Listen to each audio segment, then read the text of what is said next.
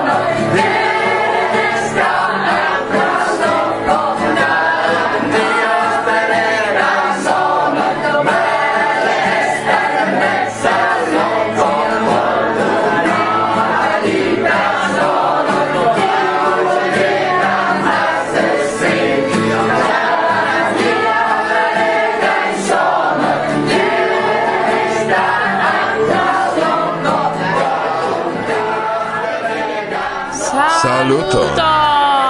Hodiaŭ denove multe okazas. Speciale necesejo. Kaj to alvokis nun ĉiujn en la necesejon por kune kanti. Kion vi aŭdas? Ĝuste. Kaj kio en la hodiaŭa programo eksciu el la priskribo. Ĉar ankoraŭ nun ni ne scias kio estas en la raporto. Ĵus mi komencis ĝin krei. Do? Bonan... Aŭskultadon.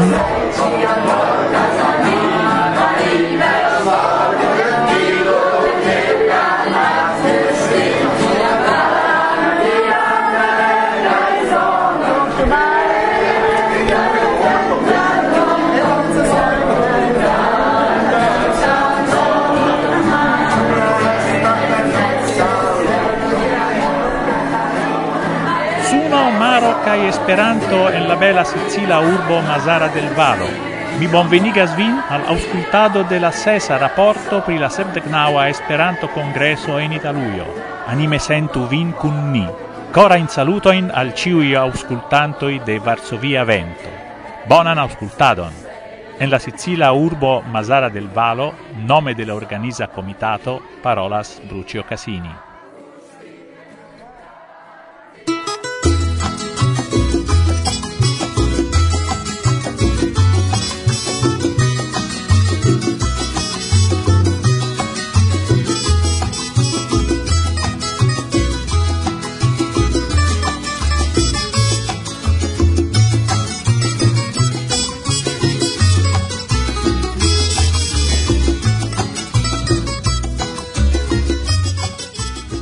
Varsovia Vento. Yay!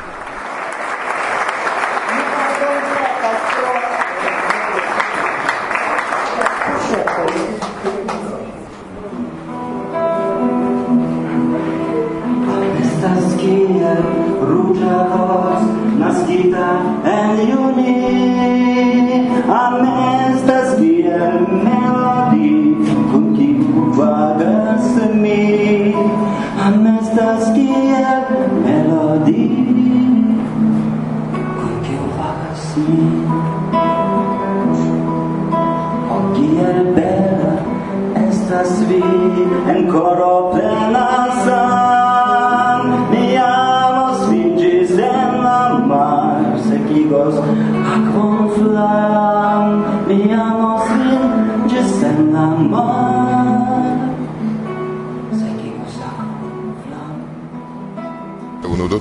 havas nuntempe plezuron eh, renkontiĝi kun noveelektita prezidanto de IEO, Itala Esperanto Junularo. Saluton! Saluton Irek. Mi estas Pierre eh, Cagliari, nove electita presidente de IEO dum citiu aranjo ni estas en Mazara del Valo por Italia Congresso kai mi just elektigis por la venonta iaro por uh, IEO. Do uh, eble ne ĉiu en la mondo orientiĝas pri IEO agado, sufiĉe konata aranĝo de la itala junularo estas IOFO, Internacia Junulara Festivalo, kiu okazas ĉiam en tempo de Pasko.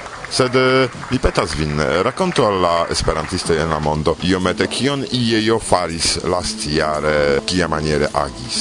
Do kompreneble nia ĉefa celo festivalelo kai prilabor temo estas IOFO, giuste che estas nia cefa festivalo kai la cefa io giusto giuste al vedere so casa dum la Pasca semaino Ciare gi ocasis en Cervio, tio estas apud mare en um, bela urbeto je la orienta franco de Italio ni pasigis unu semajnon eh, en ehm, Cervio visitigante al niaj e qui venis de dudek malsamaj landoj ĉiujn eh, belaĵojn de tiu parto de Italio compreneble anche con eh, festival a temo kiu estis organizita helpe de kelka universitata i professori qui helpis nin laŭeble plibonigi tiun temon, char ni pensas non junulara festivalo devas esti ne nur distra, sed anca cultura se ni volas futuron per Esperanto. kai ĉiare ĝi estis tema pri la novaj kai nova i komunikiloj. Do estis suffice grande temo kiu eh, iris de linguistico al filosofia i lingvoi al la lingvoj della nun nuntempo kai la komunikiloj della nun nuntempo kiel ekzemple interreto. Por tio ni havis helpon de professore kiel David Astori, kiu ankaŭ estas ĉi tie kaj ĝuste helpas kaj prelegumas dum ĉi tiuj tagoj. Nu, sed kompreneble ne nur tio, ni havis ankaŭ kiel ĉiuj honoraraj aranĝoj koncertojn, ekzemple de Martin Wiese, de Guillaume, kai compreneble distra programo por la cetera parto de la tago. Se tio tamen estas la sola afero che ni faras do dum la cetera parto de la jaro ni organizas aliajn renkontiĝojn pli malgrandajn sed tamen eh, grava gravaj por enkonduki eh, kai allogi nova in en la movado ĉar ne ciam eblas por ili veni paske al renkontiĝo ĉar ekzemple ili estas kun gepatro ili havas aliajn planojn do unu tagaj renkontiĝoj estas pli taŭgaj foje foje por tiai celoi. Do ni organizis du foje ĉiujare en um, Torino kai Milano. Ni organizis esperantagoi tiu estas la nomoj dum kiu ni konis novajn esperantistojn kaj havis la eblon pli grandigi la esperantan junularan movadon. Kiel eh, nov elektita prezidanto, kion vi planas por eh, ĉiaro? Ĉu vi jam pripensis tion aŭ ankoraŭ eh, en via kapo kristaliĝas ideoj?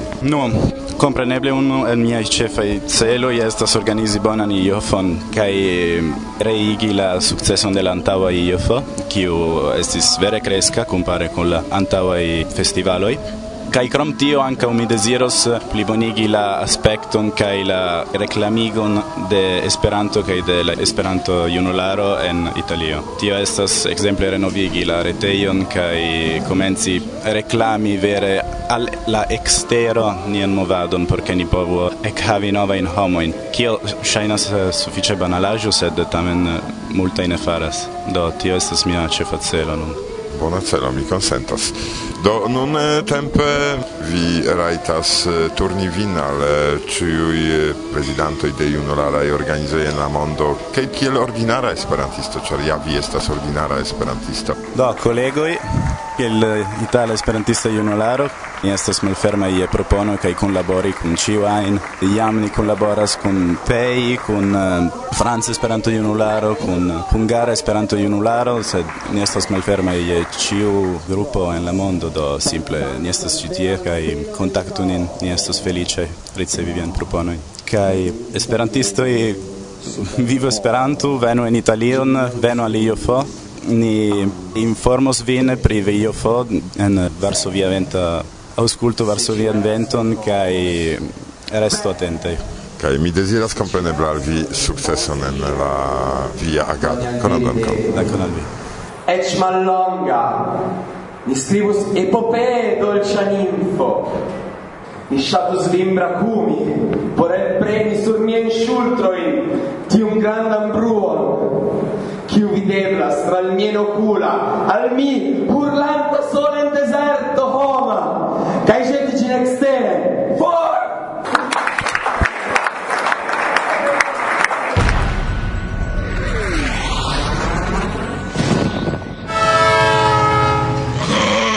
Marco Teani el Franzuio da Monte de Spagna Domo pays d'Espagne. Il y a le soleil comme ça, il y a le soleil comme ça, il y a le soleil comme ça, il y a le soleil comme ça. Dans mon pays d'Espagne.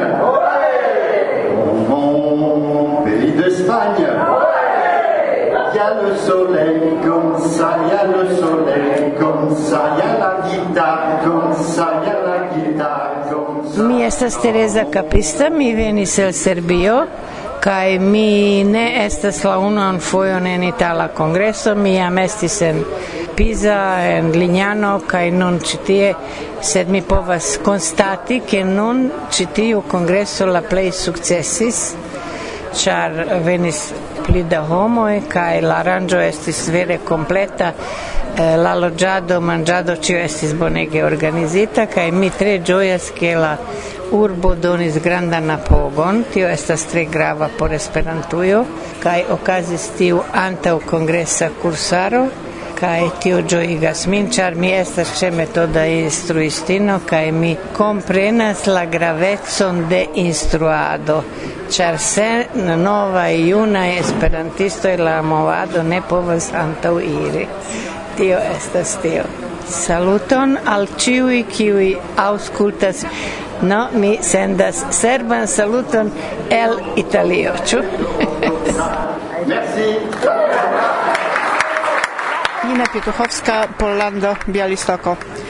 Vere ĉi tie estis varmega etoso, ne nur pro la sicilia suno kaj afrika varmo, sed ankaŭ esperantistoj de la tuta mondo faris eh, specifan esperantan verdan etoson. Ni ĉi tie faris unurondan familion kaj organizi kongreson en tiel interesa loko auguste dum ferioj estis vere komplike por ili konvinki Trinkinin veni citien, sed tiui kiui venis giois vere, kai mi sias, char mi mem kun organizis ukon, kiel malfacile estas cion ordigi organizi, havi ciun kontaktoin, ciun aferoin, cent procente arangitai, char hazarde venas malfacilaĵojn, kiui oni devas tui solvi, kai no estis aĉetis diversaj problemoj, ĉar homoj plendis pro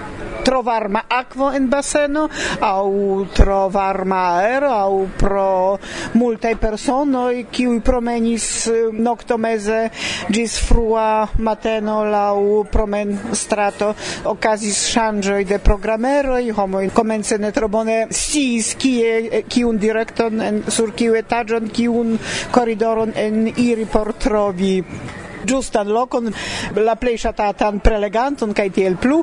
Eĉ Katalino opiniis, ke mi tro poligis ĉiujn hungarojn, ĉar dum tago de lingvoi ni havis eh, preskaŭ la saman ĉambron eh, ĉar eh, niaj prelegsalonoj ne havis simplaj murojn ili estis nur kovritaj per pajlaj kovraĵoj do mi pro tio ke mi havas vere tro fortan voĉon parolis pli laŭte kaj hungaroj estis poligitaj de mi. No fakte okazis diversaj ŝanĝoj de salonoj homoj ne povis trovi ne venis ĉiuj prelegantoi do ancau homoi plendis kaj li venis ĉi tie nur pro la prelego kiu ne okazis por mi ekzemple estis eh, vere terura informo ke ne venis multaj homoj de Afriko kiuj aliĝis pagis ĉiun kaj ili ne ricevis vizojn por eniri Schengen regionon. No sed tiu kiu neniam organizis kongreson do ne scias kiaj komplikaĵoj povas okazi ĉiutage hore ciu hore cefe dum excursoi, kiam estas unu cicerono exemple ekzemple por sepdek personoi kai tiel plu, kai tiel plu. Do, sed mi opinias eh, kongreson fruktodona mi opinias mian grundvik seminario ankau fruktodona kai tauga por multe personoj, eh, chefe por junuloj, por ke ili en estonteco povu alia maniere agi, uzante tiu inci informojn, Ŝajnas al mi, ke ĉiuj, malgraŭ ĉiuj malfacilaĵoj, kiuj tute hazarde aperis, foriras de Mazara kontentaj kaj post unu jaro ni denove renkontiĝos en castellaro Kaj se mi havas okazon, mi ŝatus bonde ziri ĉiujn miajn amikojn en la tuta mondo, bedaŭru tiuj, kiuj ne venis ĉi tien, ĉar timis, ke estos tro varme. Ĉefe mi ŝatus bondeziri mian amikon el Moskvo Roman Hieromin, kiu partoprenis iam dum ses renkontiĝo kaj poste pro diversaj kialoj ne povis partopreni. Do ĝis la revido en Castellaro dum sekvonta itala Esperanto kongreso. Dankon. Varsovia vento.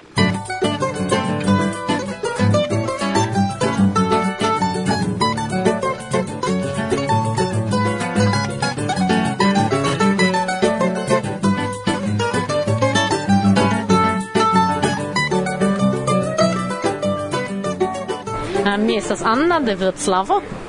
Kaj mi estas Ras de Vroclavo.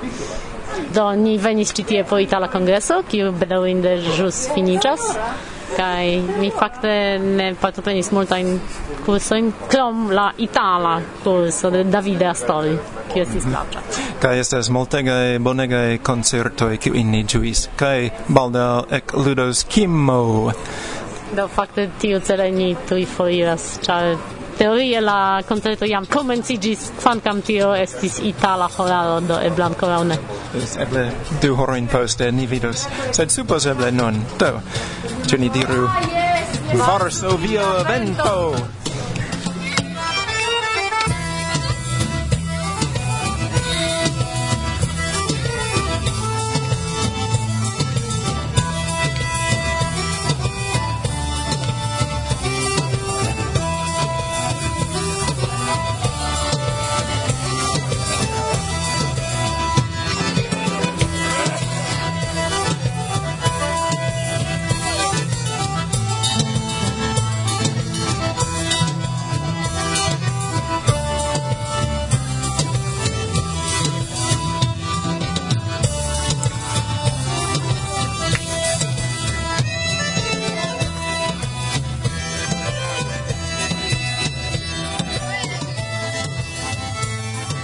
Saluton, uh, mi estas Teodora, mi venas el Rumanio, jam estas mian uh, trian partoprenon en Italan kongreso de Esperanto.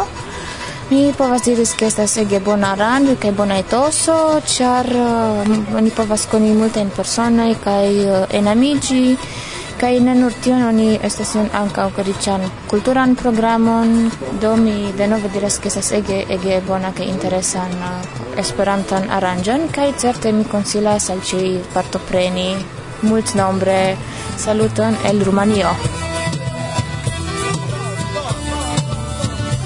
cio estas en ordo kaj mi pensas ke estas eh, eble venontjare ebleco partopreni sekvontan okdekan italan kongreson. Antaŭe mi planas partopreni ukon en Reykjaviko kaj mi pensas ke de norda parto de Europo mi translokiĝos postaŭ trairos al eh, suda parto en Sanremo Castellaro kaj impresoj no? Ĉio placis al mi krom vetero, ĉar vetero eh, multe ĝenis nin, se tio ne dependas de organizantoj. Organizantoj faris ĉion kion eblis kaj mi pensas ke estas modelo fakte, ĉar mi scias ke vietas Polino, modelo por pola esperantistoj fari simile, ne la samon, ĉar tio estas malfacile, sed similan aferon fari des pli ke estas diversaj problemoj. Mi pensas che pascheto pos pascheto ni devas ankaŭ en Polando iri eh, pli antaŭen ol normale. Mi ne volas diri che estas malbona alfero, sed ne estas tro bona situacio en eh, la vicoj de Pola Esperanta Asocio. Stanisław Mandrak, prezidanto de filio de Pola Esperanta Asocio en Gliwice, en Polando kompreneble.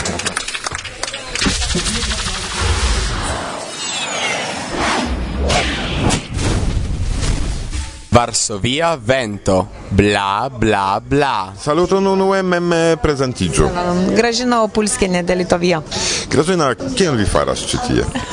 No mi estis invitita kiel instruistino por perfektiga kurso sed mi estas instruistino nur dum tri horoj ĉi tie kaj la ceteran de tempo mi ĝuas la kongreson kaj Sicilian Do tri horoj ĉiutage mi komprenas ke ne tri horoj dum tuta semajno. Je tri horoj ĉiutage krom merkredo kiam ni ĉiuj ekskursis. Okay. ne multe da laboro, multe da giuo, che multe da tempo por vere senti la congreson. Do Grażyna io mete pri la kurso. Kio okazis, kiom da homo homoj partoprenis ĝin kaj kiaj estis i rezultoj, char mi devas mencii, ke jam ni estas ĉefino de la kongreso ĝenerale. Ĉar estis perfektiga kurso, mi havis en la grupo tiun, kiu jes jam parolas Esperanton, Che estis vere unika grupo. Ni estis entute, ĉar kelkaj estis en tutte circa dudek personoj kaj de diversaj landoj. Ke miris al congresso mi credis che la plej multaj kursanoj estas italoj, tutte ne. Estis kaj italoj, kaj hispanoj, ca svedoj, kaj hungaroj, kaj poloi, ca rusoj, do estis ege internacia grupo, ca tre interesaj homoi per si mem.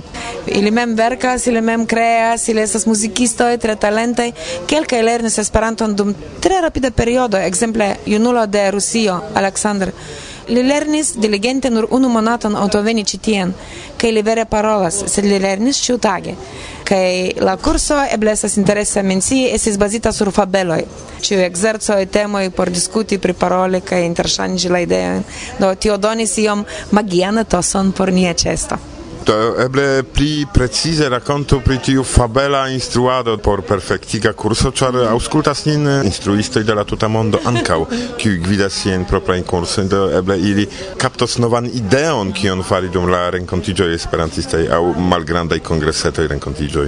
Mi pensis, ke fabeloj donas tre diversajn temojn. Oni povas paroli pri ĉio, pri plantoj, pri bestoj, ĉar estas speco de fabeloj, kiuj temas ekzakte pri plantoj kaj bestoj. Oni povas paroli pri re devoj de homoj, pri liaj esperoj, senesperigoj, pri la vojo kiel fari sian felicion, ĉiam esti honesta kaj kelkfoje esti ruza, ĉar multaj orientaj fabeloj instruas ke oni devas iomete ruzi por havi la gajnon. Do donis tre diversajn temojn kaj mi faris diversajn ekzercojn kun tiuj temoj.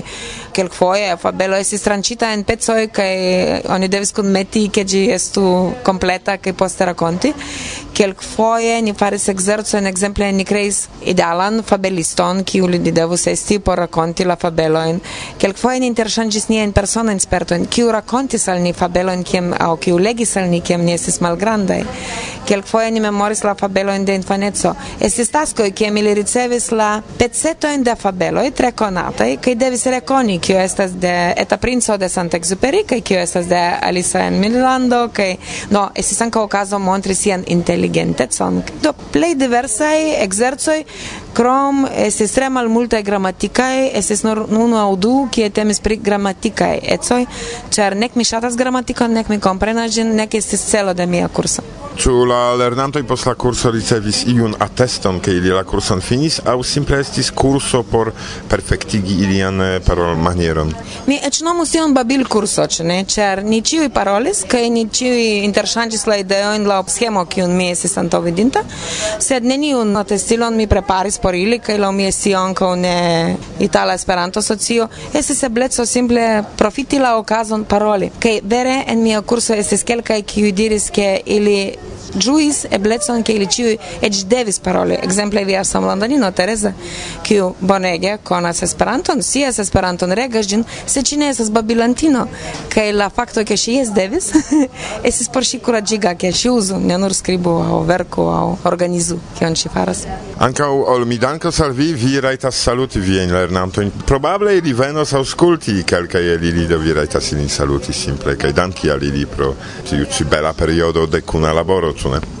Do, fakte mi devas diri, ke mi estas ege dankemali, ĉar unue mi havis eblecon perfektigi mian fabelan kurson. Estis dua fojo, ke mi faris ĝin. Kaj alia afero estas, ke mi ekonis vere ege interesajn personojn. Mi ekonis personojn, kiu manĝis ĉe reĝa tablo, kiu verkas librojn.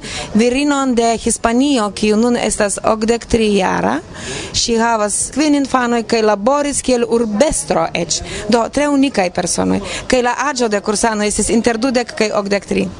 Ne penso che mi non tempe diras Esperante, mi diras simple acciu. Ah, ah dankon, praszam. Jes, kaj koran dankon al mie kursanoj kei koran dankon al italoj, kei jes invitis min al tiu ĉi kongreso jam duan fojon. Do ah, acciu en la litova estas simple dankon. Ne miksu Esperanton kun la litova. Do dankon. Dankon, Irek. Ĝis. Thank you.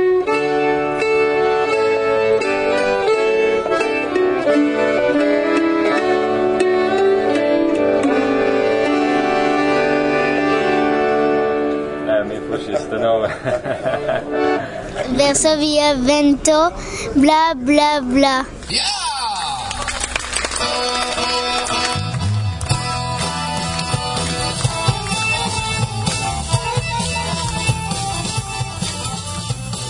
Kaj e, ti estas ĉio kion hodiaŭ por vi ni preparis.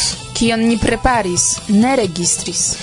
Jes, eh, ni kolektis pli multe da materialo ol fakte ni povas prezenti. Antaŭ video jam en futuro, ekzemple interesa intervjuo kun Kaito, kiu ĉi tie ne nur koncertis, sed ankaŭ freneze instruis kantadon, eh, kio ege plaĉis al la partoprenantoj, speciale en necesejo. Kaj charma intervjuo kun la danaj muzikistoj Jonas, Fulmo kaj Matias. Giuste. Do, tio en la regulaj aŭtunaj elsendoj. Kaj eh, morgaŭ, karaj, morgaŭ la lasta tago de la kongreso kaj la lasta raporto. Mm, yes. Shaine ne nur ni sentas nin lacaj post tiuj tagoj. Vidu la vizaĝoj de la revenantaj en kongresejon homoj. Ne miru, ĵus finiĝis koncerto de Kim, dum kiu duono de la partoprenantoj ege laŭte kriis kaj freneze dancis. Yes, kaj ankoraŭ atendas nin la nokta programo. Eh, ne, por mi jam eh, sufiĉas impresoj por hodiaŭ. Mm, mi konsentas. Tial do, karaj aŭskultantoj, bonan nokton ankaŭ al vi kaj... Ĝis!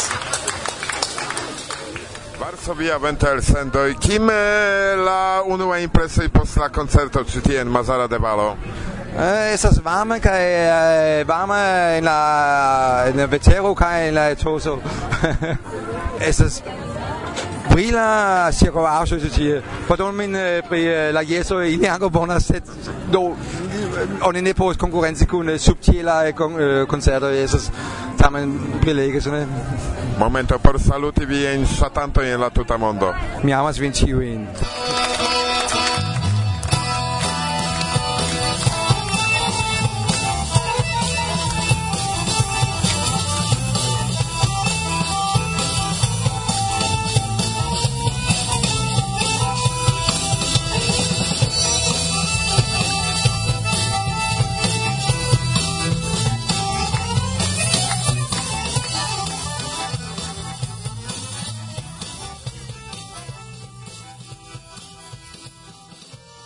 Сейчас вы слушаете радио «Варсовия Венто».